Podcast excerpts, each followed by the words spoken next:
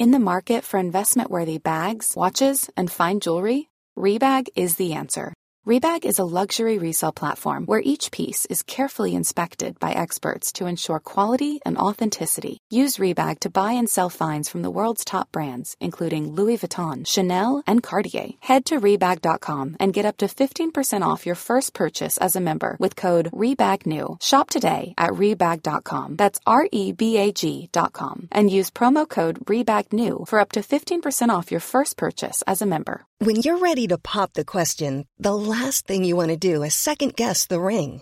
At Bluenile.com, you can design a one of a kind ring with the ease and convenience of shopping online. Choose your diamond and setting. When you find the one, you'll get it delivered right to your door. Go to Bluenile.com and use promo code LISTEN to get $50 off your purchase of $500 or more. That's code LISTEN at Bluenile.com for $50 off your purchase. Bluenile.com code LISTEN. Millions of people have lost weight with personalized plans from Noom, like Evan, who can't stand salads and still lost 50 pounds. Salads, generally, for most people, are the easy button, right? For me, that wasn't an option. I never really was a salad guy. That's just not who I am. But Noom worked for me. Get your personalized plan today at Noom.com. Real Noom user compensated to provide their story. In four weeks, the typical Noom user can expect to lose one to two pounds per week. Individual results may vary.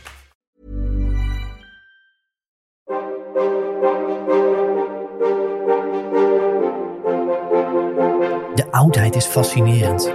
Een enorme puzzel waarvan we stukjes hebben. En heel veel stukjes ook niet. Al op de basisschool trokken de verhalen over het oude Egypte, de Romeinen, Griekse mythen, het oude China en het onderzoek naar al die oude culturen en mensen me als een magneet naar zich toe. En ik wil meer. Graag neem ik, Timo Epping, je in deze podcastserie mee op reis naar het verre verleden. Ik ga in gesprek met wetenschappers die ons in iedere aflevering een uurtje meenemen in hun eigen onderzoek. Hun eigen zoektocht naar de oudheid. Het is tijd voor de oudheid.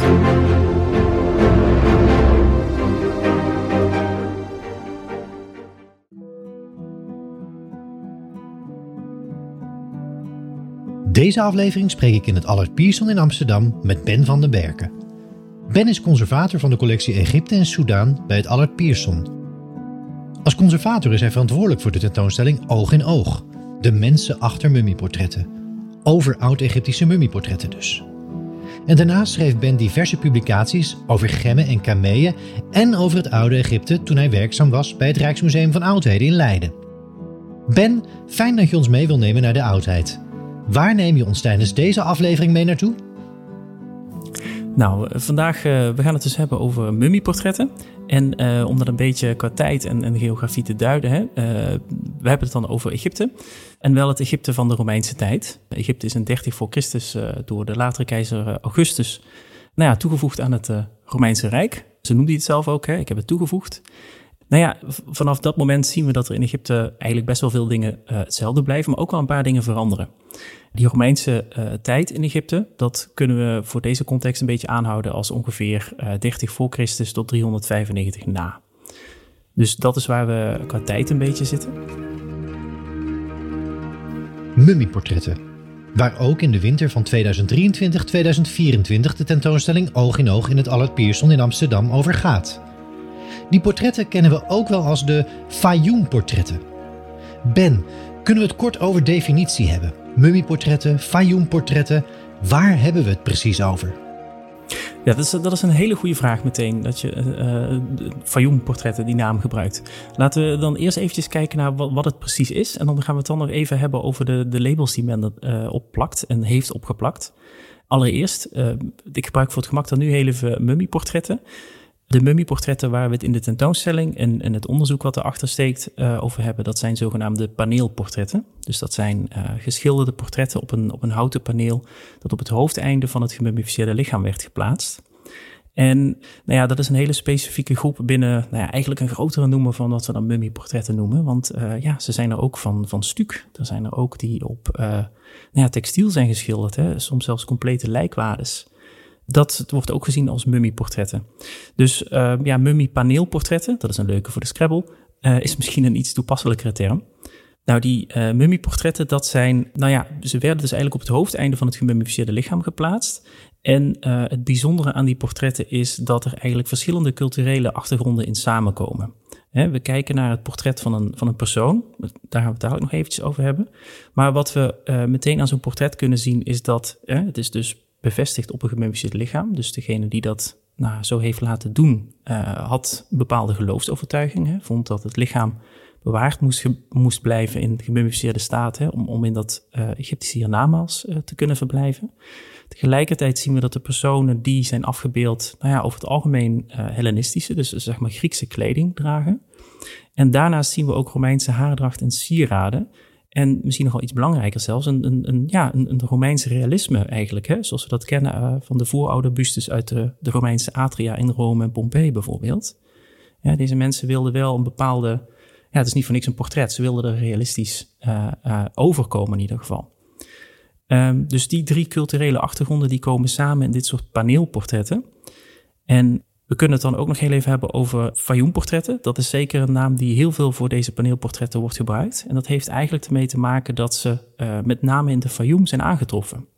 de Fayoum, dus dat is een, een, een, een regio in Egypte. Het is een Gebied wat eigenlijk min of meer aan de zuidoostelijke kant van het meer ligt, ten zuidwesten van Cairo. En um, daar zijn met name in het Middenrijk, hè, dus uh, pak een beetje begin tweede millennium voor Christus, maar ook later in de Ptolemeese en in de Romeinse tijd zijn daar, uh, uh, nou, is daar veel activiteit geweest. Hè. Met name landbouw was daar heel belangrijk. De vorsten van het Middenrijk, maar later ook de Ptolemeeën en, de Romeinse keizers, die lieten daar veel land geschikt maken voor landbouw.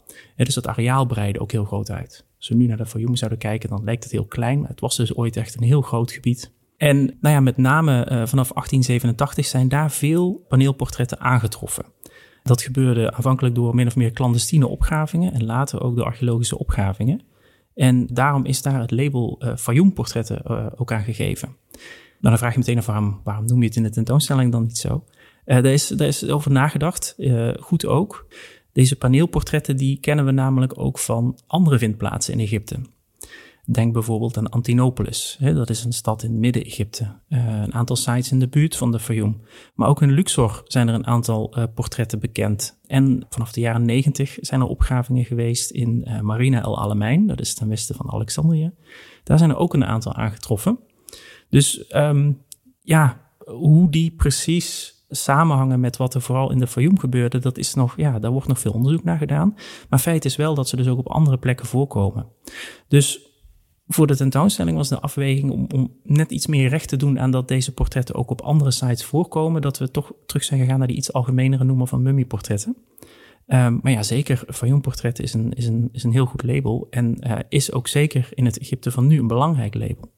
Omdat ook voor de mensen die nu in de Fayoum wonen, uh, Fayoumi, is het uh, iets wat ook onderdeel is van hun eigen identiteit. Hè? Dus zij gebruiken deze paneelportretten ook om hun eigen identiteit vorm te geven en in te vullen. Dus in die zin is, is de term van portret zeker gerechtvaardigd. Ja, maar tegelijkertijd suggereert het misschien ook een soort van geïsoleerd fenomeen. Terwijl je nu misschien zou kunnen stellen dat de vondsten op andere locaties het, het minder geïsoleerd maken dan de term van portretten misschien laat blijken. Uh, ja, ik, ik, ik, denk dat het wel goed is om te laten zien dat dit iets is wat ook buiten de Fayum gebeurde. En um, nou ja, er zijn een aantal geschreven teksten uh, uit die periode die misschien iets van een tipje van de sluier oplichten daarover. Hè, Antinopolis is natuurlijk gesticht door keizer Hadrianus op de plek waar zijn, waar zijn geliefde Antinous dan verdronken zou zijn. En uh, met name daar zien we heel specifieke vormen van paneelportretten opduiken. Hè, met een soort van getrapte schouder. Dat is niet zo'n uh, paneel met rechte zijkanten, maar er zit een soort van trapje in.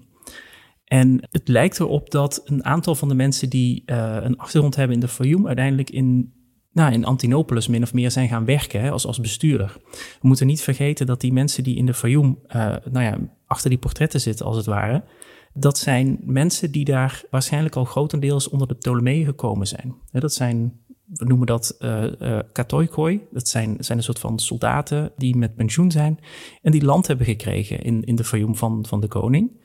En deze mensen die waren goed aangesloten. We weten zelfs dat ze afgevaardigden sturen naar het keizerlijk hof in Rome. Hè, uh, afhankelijk naar Claudius, later ook naar Nero, om daar bepaalde nou ja, privileges, dingen waar ze voorkeursbehandelingen die ze hadden, om die bevestigd te krijgen of verlengd te krijgen. En um, nou ja, die hebben ze dan uiteindelijk ook gekregen. En vanuit het Romeinse perspectief waren deze mensen, uh, nou, dat waren capabele bestuurders. Die zorgden ervoor dat in, nou ja, in die regio's alles in goede banen werd geleid. En misschien dat ze om die reden ook uiteindelijk, hè, in het begin van de, van de tweede eeuw na Christus, uiteindelijk onder andere in Antinopolis een rol konden spelen. Of misschien ook al uitgewaaid zijn over Egypte.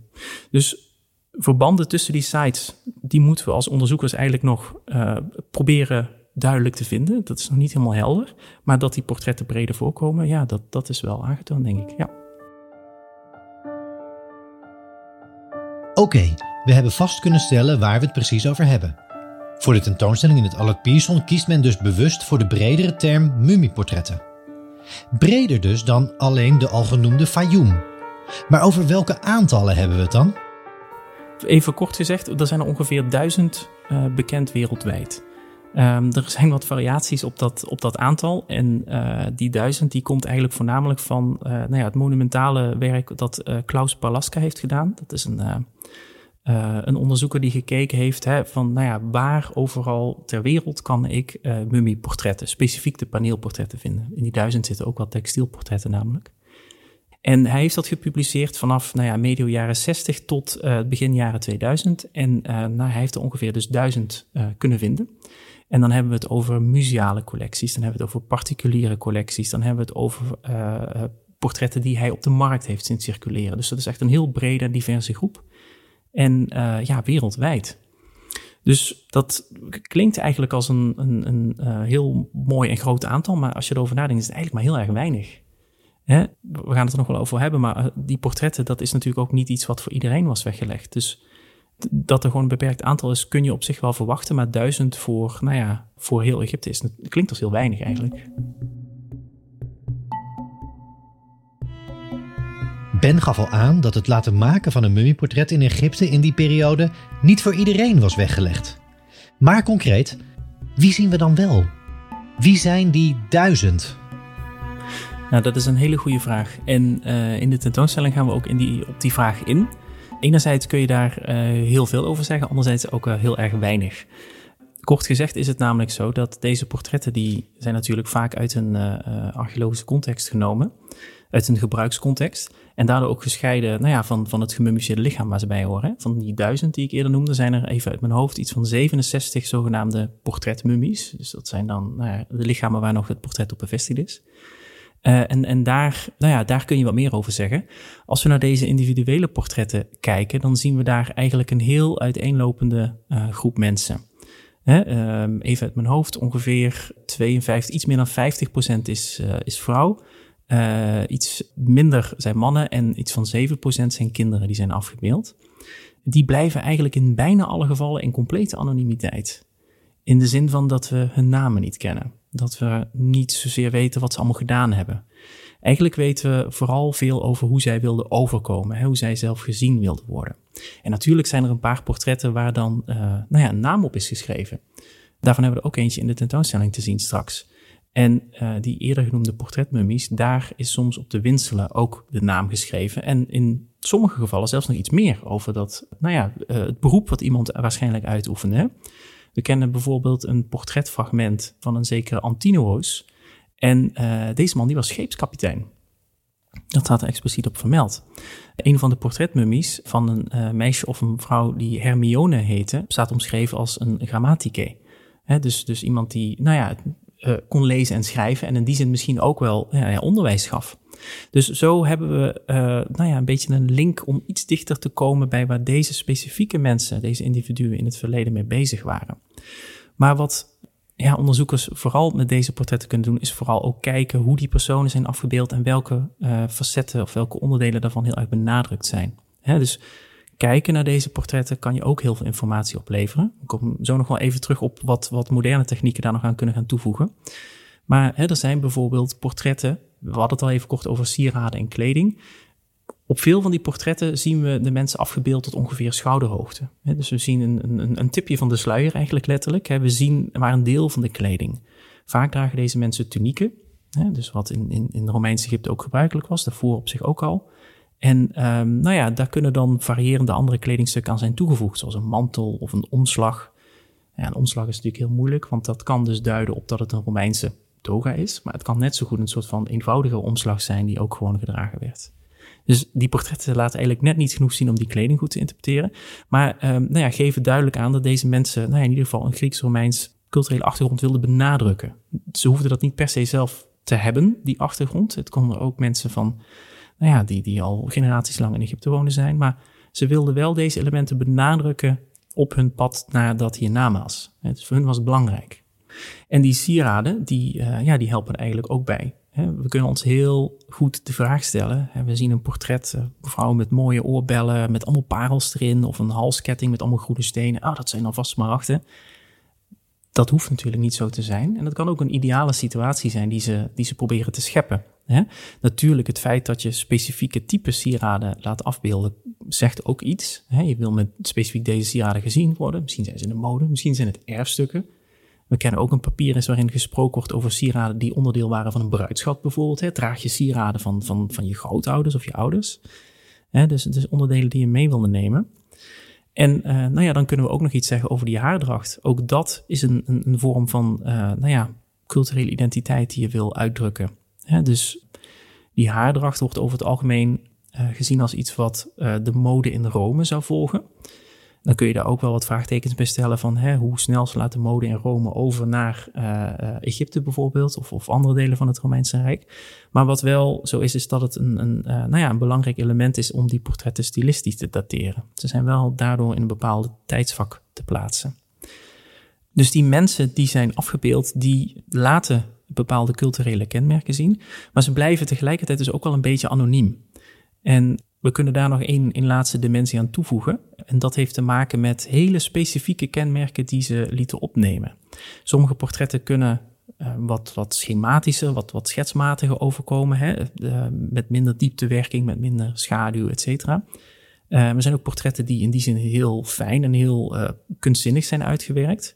Maar er zijn dus portretten die bijvoorbeeld nou ja, sporen van ziektes kunnen laten zien uh, vermoeidheid. Of, of hè, er is zelfs één portret waar, het, dat komt ook in de tentoonstelling terug, uh, waarvan eerder onderzoekers hebben gezegd, nou ja, deze mevrouw die hier is afgebeeld, die heeft ja, een soort van ziekelijk gezicht, zo is ze afgebeeld. Hè? Is dat hoe je het hiernamaals in wil gaan? Of was dat hoe deze mevrouw misschien wel richting het einde van haar leven eraan toe was? Dus hè, die vragen kun je er altijd bij in gedachten houden als, als onderzoeker. En we hebben bijvoorbeeld ook nog een portret waar er is nog een leuke anekdote aan. Daar komt een portret van een, eh, van een man in de tentoonstelling die verder geen kleding draagt, dus een ontbloot bovenlijf heeft, een baard uh, en kort haar. En uh, een van zijn ogen heeft een beetje een rode waas. Nou ja, dus een van de vragen die ik in de voorbereiding ook stelde aan de conservator van die collectie waar het vandaan kwam, was: uh, is het daar beschadigd of uh, is daar iets aan restauratie of iets uh, sporen aangebracht? Nee, nee, dit is echt hoe het is afgebeeld. Dus deze persoon is daadwerkelijk met een, nou ja, een bloed doorlopen oog afgebeeld. Nou ja, wat, wat zegt dat? Kennelijk vond die persoon dat belangrijk om, om, om dat te laten zien. Dus nou ja, een van de theorieën die daarover is, is ja, misschien is deze man heel fysiek bezig geweest. Is het een bokser geweest? Of hè, uh, had hij daar vaker last van? Dat zijn dingen die je dan ook weer door je hoofd laat spelen als je nadenkt over wie deze mensen zijn. Ja, wat dan heel interessant is, is ook eigenlijk vaststellen op welk moment zo'n portret dan gemaakt is. Is daar iets over te zeggen? Is zo'n portret inderdaad ja, gemaakt op basis van een leven na overlijden? Of werd het al tijdens leven gemaakt? Dat is een van de, de grote vragen als het gaat over uh, nou ja, het bestuderen van mummieportretten. En, en eigenlijk kunnen we, kunnen we niet zeggen dat we het weten. Um, en wellicht hoeft daar ook helemaal niet één lijn in te zijn. Er zijn uh, portretten waarvan we weten dat ze op een later moment een beetje zijn bijgewerkt. He, dus dat een haardracht, uh, ik geloof dat het een portret van een wat oudere vrouw is, die op een gegeven moment naar een iets modernere, meer bij de tijdse haarstijl is gebracht betekende dat, dat portret er al bij leven was en uh, dat de mode veranderde en dat ze toch liever met, met die haardracht afgebeeld wilde worden? Of was dat een keuze die haar erfgenamen maakte? Dat kan natuurlijk ook, de nabestaanden. Er zijn ook portretten die zijn hergebruikt, dus waarbij een portret van dezelfde persoon, ogenschijnlijk dezelfde persoon, op de achterkant opnieuw is geschilderd en, en ook wel iets, nou ja, in een iets gevorderde leeftijd. Maar ja, eigenlijk weten we het niet. Er zijn uh, onderzoekers geweest die hebben gezegd van, nou ja, er is een heel proces uh, als het gaat om uh, overlijden in uh, het Egypte van de Romeinse tijd. iemand sterft, nou dan gaat er, net zoals wij dat nu vandaag de dag hebben, hè, je wordt als nabestaande geconfronteerd met allemaal dingen die je moet gaan regelen en, en die in orde moeten zijn. Nou, dat was in het, in het oude Egypte ongetwijfeld niet anders. Dus er is een heel proces wat ging lopen vanaf het moment van overlijden. En er is dus ook een moment geweest dat het lichaam lag opgebaard voor, nou ja, nabestaanden, mensen die deze persoon kenden, om, om te komen bezoeken en te rouwen. En dat kan dus ook heel goed een moment zijn geweest waarop zo'n portret is gemaakt. Dus de ruimte voor of na overlijden zo'n portret maken is, uh, is, is vrij groot. Er is, um, dat is misschien goed om nog even te vermelden, er is ook lange tijd wel een theorie geweest die uh, omschreef dat de portretten gemaakt zouden zijn bij leven en dan ook nog een tijd in huis uh, zouden hebben gehangen, als een soort van schilderijtjes aan de muur. Kunnen we natuurlijk niet uitsluiten, maar het, het, lijkt erop dat dat niet het geval is geweest, hoewel je nooit kunt uitsluiten dat portretten van personen aan de muur hebben hangen. Het kan natuurlijk een, een portret zijn wat niet bestemd was als een, als een funerair portret. Maar over het algemeen wordt aangenomen dat deze portretten toch wel in de buurt van, nou ja, dat, dat overlijdensmoment gemaakt moeten zijn. Omdat ze in veel gevallen qua voorgestelde leeftijd uh, ook al een beetje de overeenkomst, maar daar gaan we het ook nog even over hebben, hè, van hoe realistisch zijn ze, dat het toch wel redelijk overeenkomt met de persoon die dan in de winstelen zit, voor zover dat onderzocht is natuurlijk.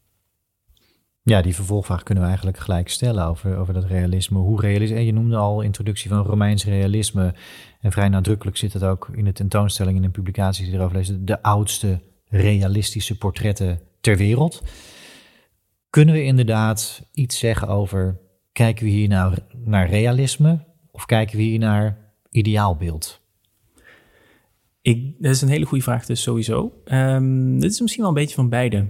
Kijk, de enige manier waarop we echt goed kunnen kijken naar uh, in hoeverre een portret en, en, en de persoon, daadwerkelijk persoon overeenkomen, zijn er die 67 gevallen, om het zo maar even te noemen, hè, die 67 uh, portretmummies. Een handjevol daarvan is daadwerkelijk onderzocht door middel van röntgen wat langer geleden of recent hè, met CT-scans. En daar kun je dus gaan kijken van, hè, komt, nou ja, uh, zoals het gezicht er waarschijnlijk uitgezien heeft overheen met het portret. Nou ja, in de gevallen waar dat dus onderzocht is, uh, lijkt dat vaker niet het geval dan wel het geval te zijn. En soms is iemand misschien net wat flatteuzer uh, afgebeeld dan, dan, dan die misschien daadwerkelijk was.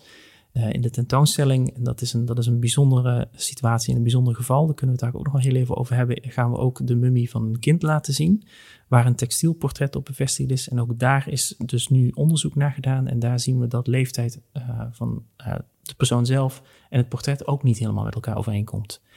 Dus je kunt je inderdaad ook als onderzoeker de vraag stellen van, hè, um, is het een ideaalbeeld wat je, wat je wil overbrengen? Hè? Je, ziet, je ziet iemand afgebeeld op een bepaalde manier met bepaalde kenmerken, kleding, sieraden, haardracht. Zijn dat allemaal onderdelen die een ideale versie van deze persoon moeten schetsen? Dat kan. Het is in dat licht misschien goed om even uh, het kort te hebben over de functie die deze portretten hadden.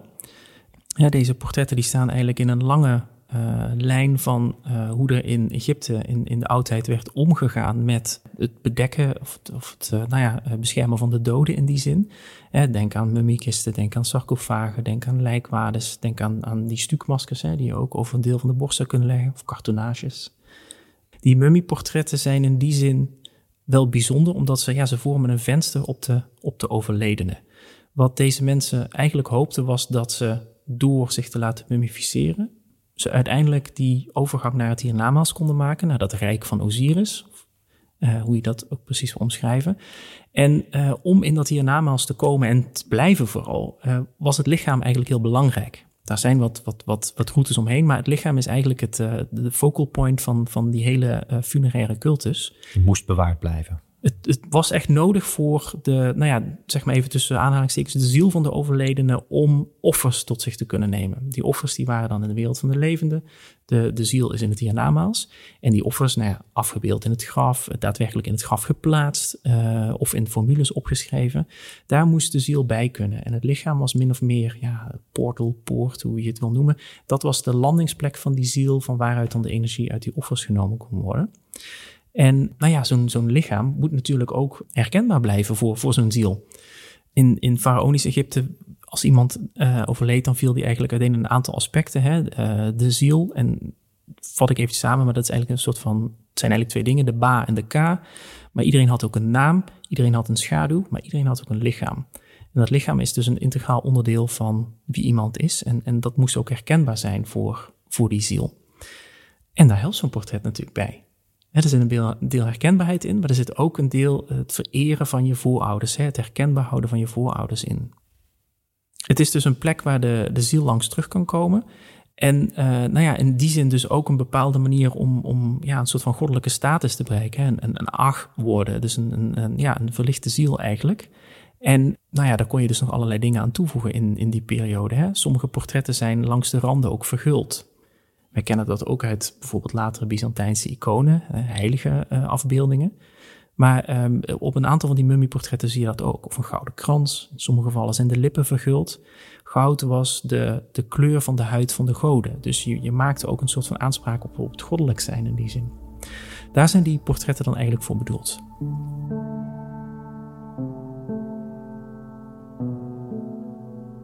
Aan de ene kant moest met het portret het lichaam dus herkend kunnen worden, bijvoorbeeld door de ziel.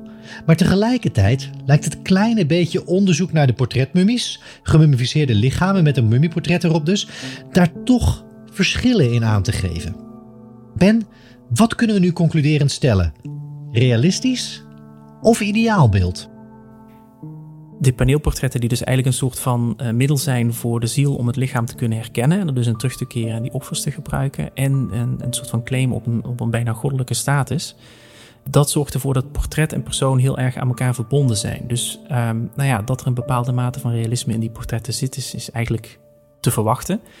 Uh, in hoeverre ze daadwerkelijk echt één op één kloppen met die persoon, nou ja, dat, dat is iets wat echt alleen onderzoek naar die portretmummies uh, kan uitwijzen. Nu hebben we het gehad over de mensen op de portretten. Die duizend. Maar met nieuw onderzoek, met name het afgelopen decennium binnen bijvoorbeeld het APIR-onderzoeksproject, met nieuwe technieken proberen wetenschappers ook bij de mensen te komen die de portretten maakten. De werkplaatsen, de gebruikte pigmenten, materiaalsoorten, het maakproces van die paneelportretten dus. Ben, zou je ons in dat onderzoek en het maakproces mee kunnen nemen? Ja, dat is denk ik voor de, uh, de onderzoekers die met mummieportretten bezig zijn, is dat een beetje de heilige graal. Hè? Proberen die persoon die het maakte ook zichtbaarder te maken. Eén, de eigenaar, de, de, de geportretteerde, zeg maar, die zien we nog. Hè? We zien hem of haar afgebeeld. Maar de, ja, de schilder of de maker of de, de, de kunstenaar of de artist of de craftsman, wat voor label je er ook aan wil hangen, die is eigenlijk onzichtbaar. We hebben niet één portret waar nou ja, een, een, een, signatuur of iets dergelijks op staat. Zo zagen deze mensen het waarschijnlijk ook niet. bijvoorbeeld uh, bij Gemma en Camille, die zijn soms nog wel eens gesigneerd door een gerenommeerde snijder. Bij de portretten is dat, is dat voor zover ik weet nooit het geval.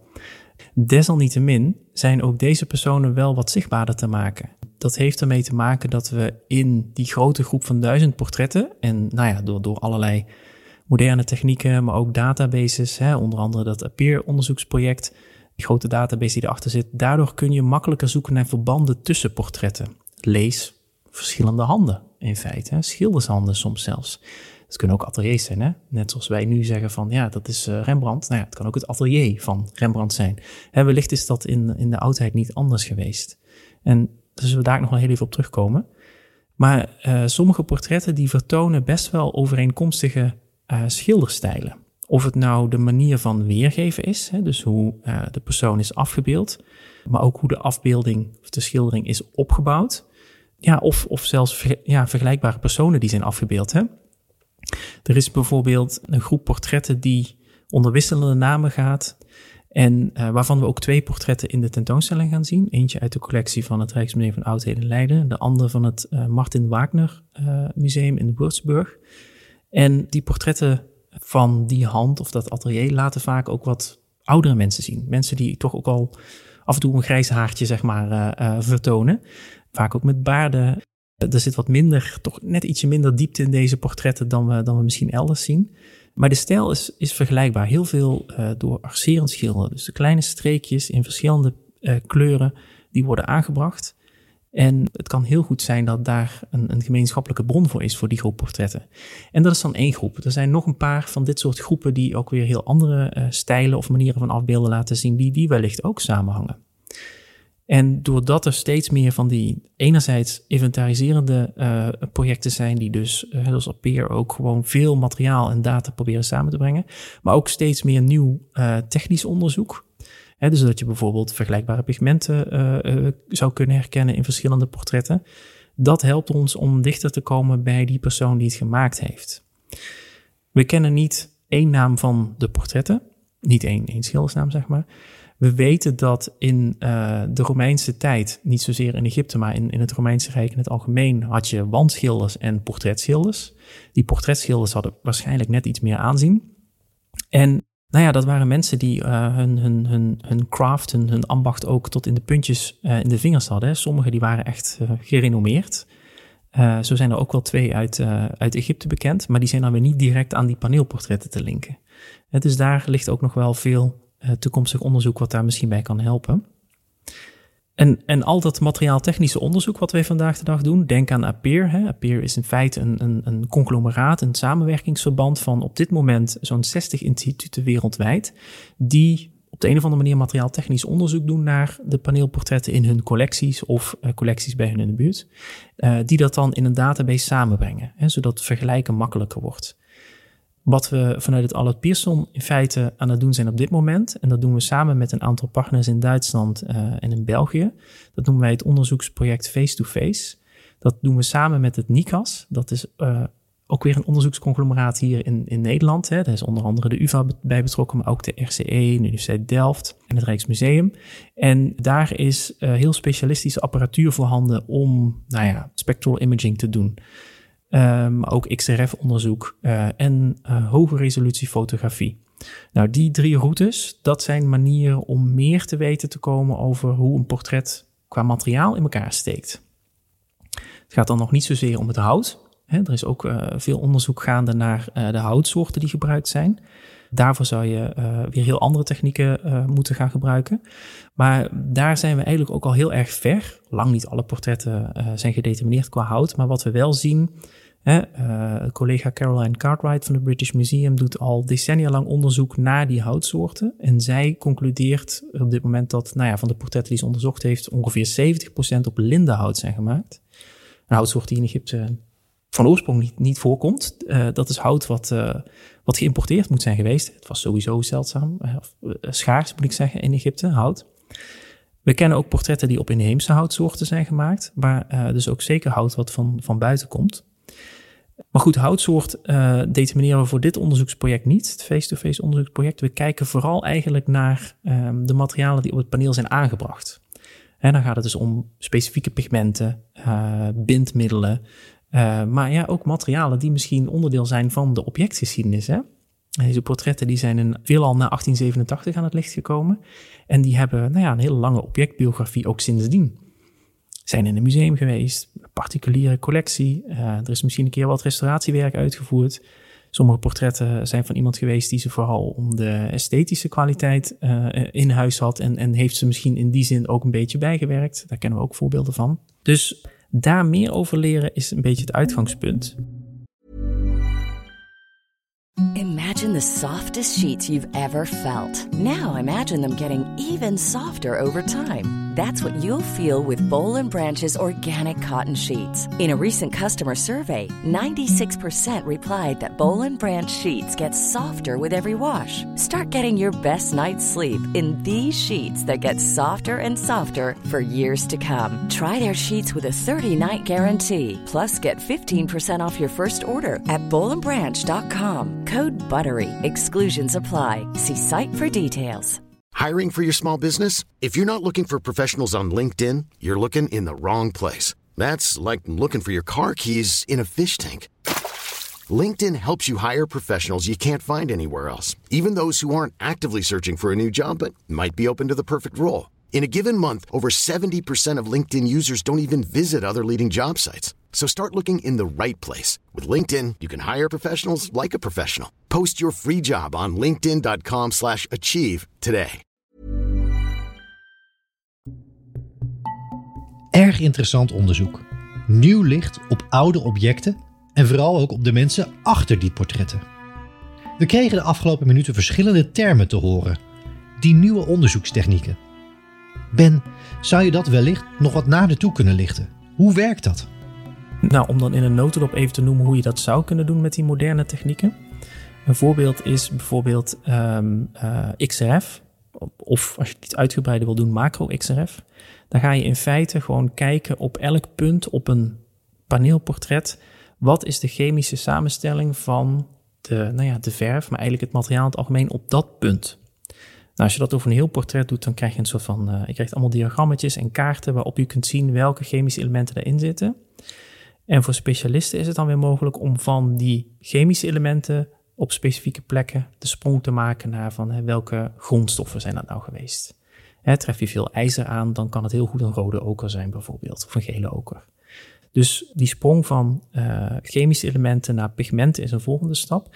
En als je dan kunt gaan kijken van hè, welke pigmenten komen nou in dit portret voor, wat qua stijl vergelijkbaar is met een portret in een andere museale collectie, dan kun je daar misschien een verband leggen. Hè, misschien dat daar exact dezelfde pigmenttypen in gebruikt zijn. En dus je probeert eigenlijk herkomst van zo'n portret te linken aan een andere. Dus dat het mogelijk van uit dezelfde werkplaats dezelfde hand zou kunnen zijn door gebruikte materialen te vergelijken. Ja, onder andere dus de werkplaats, maar ook, ja, het kan ook iets zeggen over de, de, de regio. Hè? Misschien dat je het niet tot op een, een, een, een workshop of een, of, een, of een specifieke schilderniveau kunt herleiden, maar dat je wel een beetje weet in welke regio je moet zoeken. Wat er in het verleden bijvoorbeeld heel veel gedaan is, een aantal portretten, of portretten hebben een, een specifieke vorm, zeg maar, de paneelvorm, om het maar even zo te noemen. En um, heel lang is er gedacht, en op, op zich is dat nog steeds, uh, wordt dat nog steeds aangehouden, dat specifieke paneelvormen ook wel in verband te brengen zijn met specifieke vindplaatsen. He, dus bijvoorbeeld paneelvormen waar de twee bovenste hoekjes zijn afgesneden, uh, zou dan weer met de vindplaats El Rubaiyat, of soms ook met Hawara te maken hebben, allebei in de Fayoum. Dat herleidt naar een bepaalde regio. En, en specifieke pigmentgebruiken zouden dat misschien ook wel kunnen doen. Dus dat, eigenlijk staan we pas aan het begin van, van, van die route. Uiteindelijk kunnen we daar hopelijk informatie die we uit pigmenten en bindmiddelen krijgen combineren met wat we bijvoorbeeld uh, zien aan houtgebruik of paneelvorm of, weet het, nou ja, ook gewoon de stilistische en, en, en cultuurhistorische analyse van zo'n portret. Van de mensen op de portretten gingen we naar onderzoek naar de mensen achter de portretten. Nieuwe technieken geven mooie mogelijkheden voor de toekomst. We staan nog maar aan het begin van het proces, zou je kunnen zeggen. Tijd nu om in te zoomen op enkele voorbeelden waarbij we enkele portretten gaan bespreken die in de tentoonstelling in het Allard Pierson te zien zijn. Een tip. Kijk met ons mee door de afbeeldingen te bekijken die via het Oudheid Podcast op Instagram te zien zijn. De link is ook te vinden in de show notes. Ben, we hebben nu een, uh, ja, een, een, digitale map met alle portretten die in de tentoonstelling hier in het uh, Allard Pierson uh, te zien gaan zijn. Vervolgens, dus we, we, kijken nu, ja, we staan eigenlijk oog in oog, letterlijk hier digitaal met de mensen die afgebeeld zijn op die panelen, die hier in de tentoonstelling komen. Maar we kijken nu, uh, ja, je stond erop dat we eerst naar een fragment zouden kijken. Hey, je komt hier uh, als bezoeker straks kijken, dan, zie je, dan kijk je om je heen, dan, dan zie je die portretten. Je kan daar misschien uh, ja, emotioneel iets bij voelen ook, een connectie met de mensen. Het gevoel hebben dat je misschien naar pasfoto's, echt die, die mensen uit het verleden die, die naar jou kijken, of dat je daar een esthetisch gevoel bij krijgt, dat je op een bepaalde manier kijkt. Maar hoe kijk jij daar nou als conservator, als, als wetenschapper onderzoeker naar? Hoe behandel jij deze, deze portretten vanuit jouw vak? Ja, deze uh, portretten die we hier op het scherm zien, is sowieso erg bijzonder. Kijk, op het scherm is het natuurlijk ook sowieso anders dan als je ze uh, in de tentoonstelling straks zou, zou gaan bekijken. Waar ze ook op zo'n manier uh, te zien zijn dat we het menselijke ervan benadrukken. Hè. Ze zijn min of meer op ooghoogte. We beelden silhouetten achteraf van, van, van mensen hè, die, die overeenkomen met wat we op het portret zien. Dus we proberen heel erg deze portretten als mensen te zien. Want nou ja, ze zijn ooit geplaatst geweest op het lichaam van iemand die dierbaren uiteindelijk ter aarde hebben besteld. Hè. Dat, dat, uh, de dood en, en alles wat er omheen gebeurde speelt in de tentoonstelling ook een belangrijke rol. Maar als, als je als onderzoeker naar zo'n portret kijkt, hè, we kijken nu bijvoorbeeld inderdaad naar een fragment, dan ja, kijk je ook een je kijkt sowieso, je bent oog in oog met, met, met deze mensen zelf. Ze kijken je eigenlijk in bijna alle gevallen direct gewoon rechtstreeks aan, bijna door je heen zelfs. Uh, en tegelijkertijd, als je naar zo'n portret kijkt als onderzoeker, zie je ook heel veel dingen die jou iets meer kunnen vertellen over A, dit portret en B, nou ja, de mensen die daar in bepaalde volgorde achter zitten.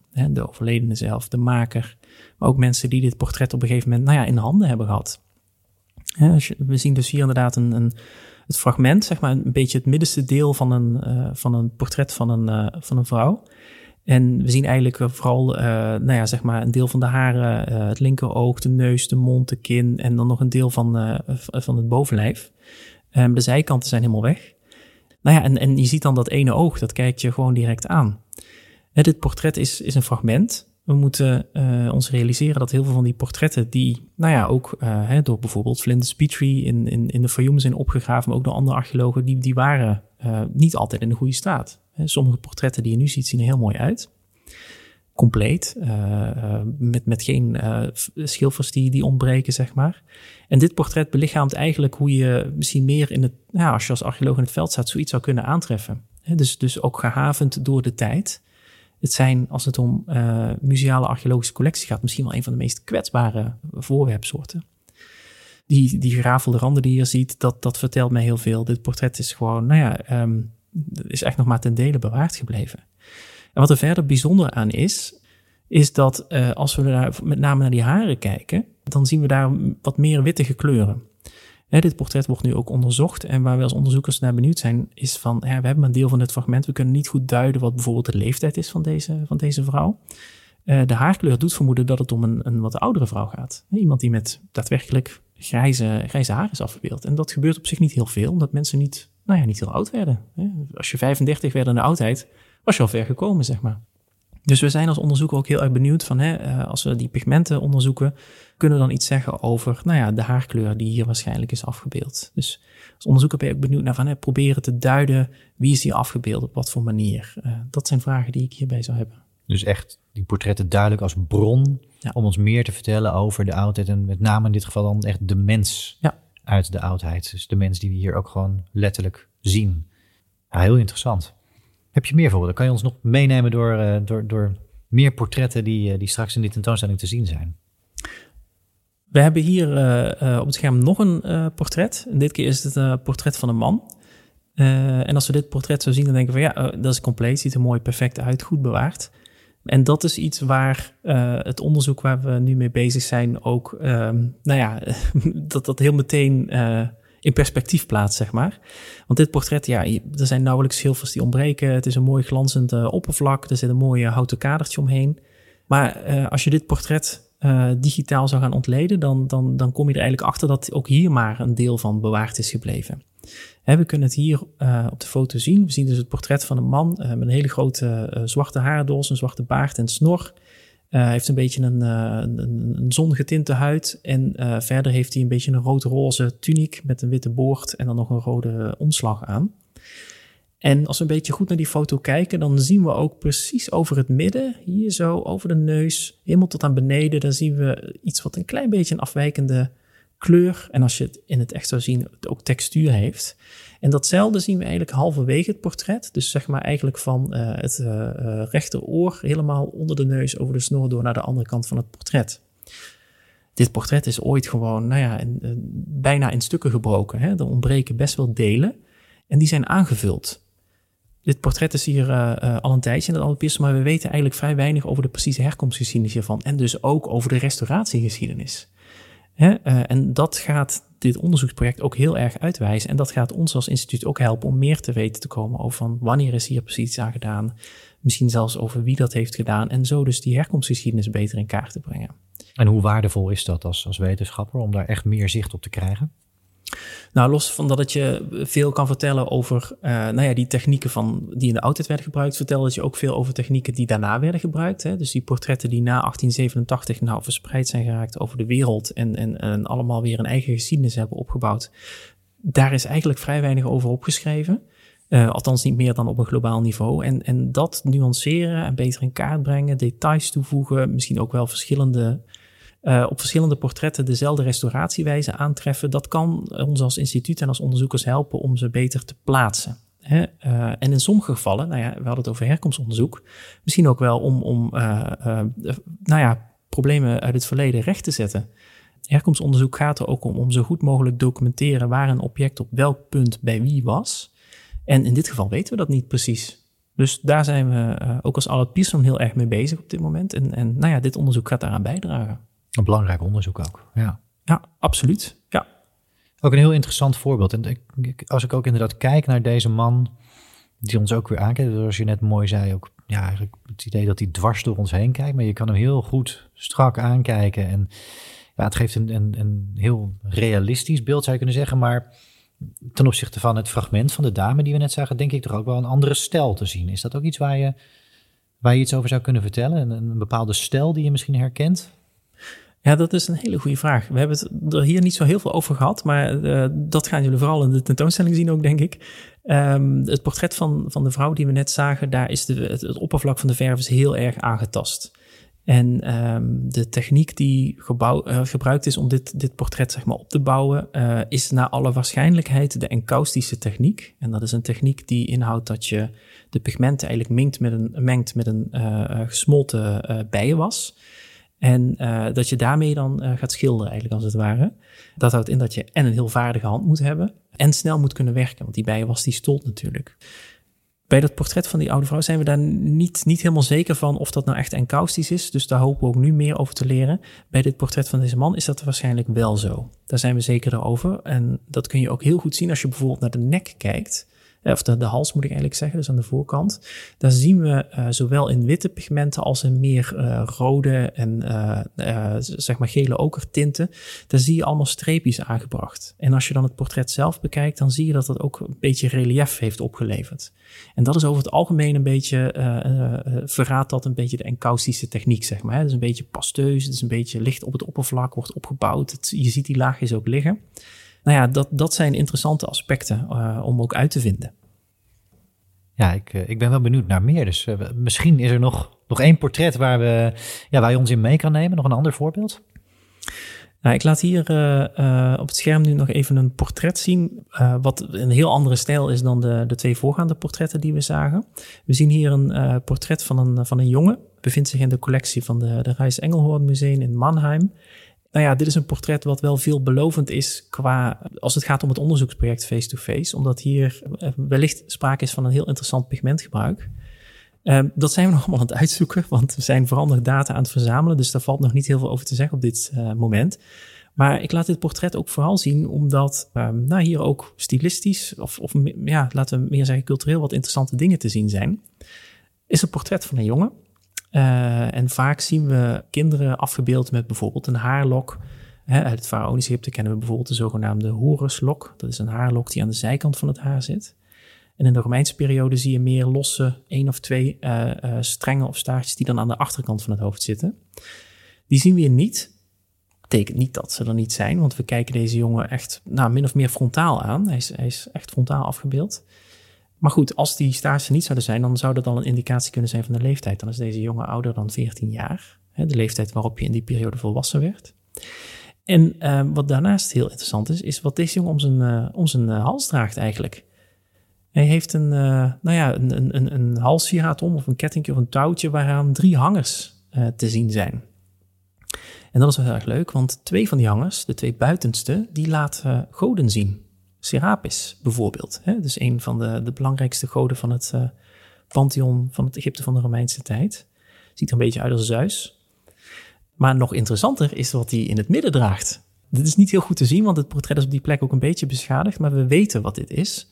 Dit is namelijk een soort van kokertje dat om die uh, halsketting hangt. En in dat kokertje, daar kon bijvoorbeeld op een papyrus uh, nou ja, een, een beschermende tekst worden aangebracht.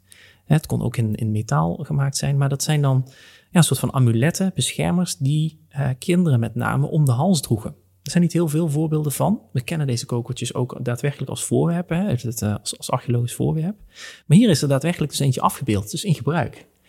Hè, dus door dit soort kleine details in zo'n portret kom je voor je gevoel ook heel dicht bij deze mensen. Hè. Dit kind is, nou ja, je werd niet oud, hè, kindersterfte was hoog. Men zorgde ervoor dat de kinderen beschermd waren op magische wijze. En dat is hier gedaan door twee goden erbij te betrekken, maar ook dus zo'n uh, zo'n kokertje met een beschermende tekst mee te geven. Dat vind ik eigenlijk wel heel erg mooi. Ja, dat is fascinerend. Het is, ja, dichterbij kan je toch bijna niet komen, zou je zeggen. Precies, ja. Ja, ik vond het een, uh, een hele inspirerende en, en boeiende reis door, uh, ja, door de mummieportretten die hier ook in het Allepierson te zien zijn inmiddels. Ja, Ben, ik kan je alleen maar heel hartelijk bedanken voor, voor dit inkijkje in jouw werk, maar vooral ook in, in de reis die je met ons wilde maken naar de oudheid. Dus dank daarvoor. Graag gedaan, met plezier. Dichterbij kom je bijna niet. Met dat gevoel liep ik na het gesprek met Bennett Allard Pierson weer uit. En je kunt zelf dus van 6 oktober 2023 tot en met 25 februari 2024 letterlijk oog in oog komen te staan met de mummieportretten. De mensen die we net bespraken.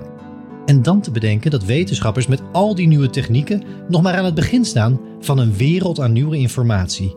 Nieuwe mogelijkheden die de oudheid toch nog iets dichterbij kunnen brengen.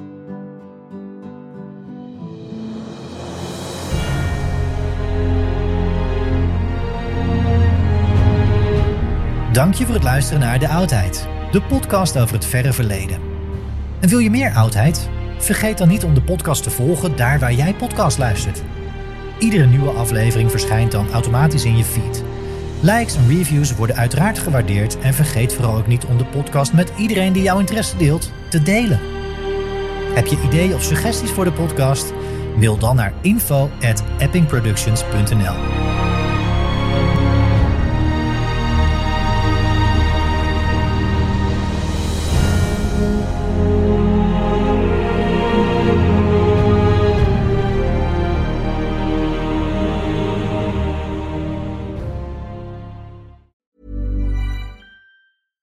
Selling a little or a lot?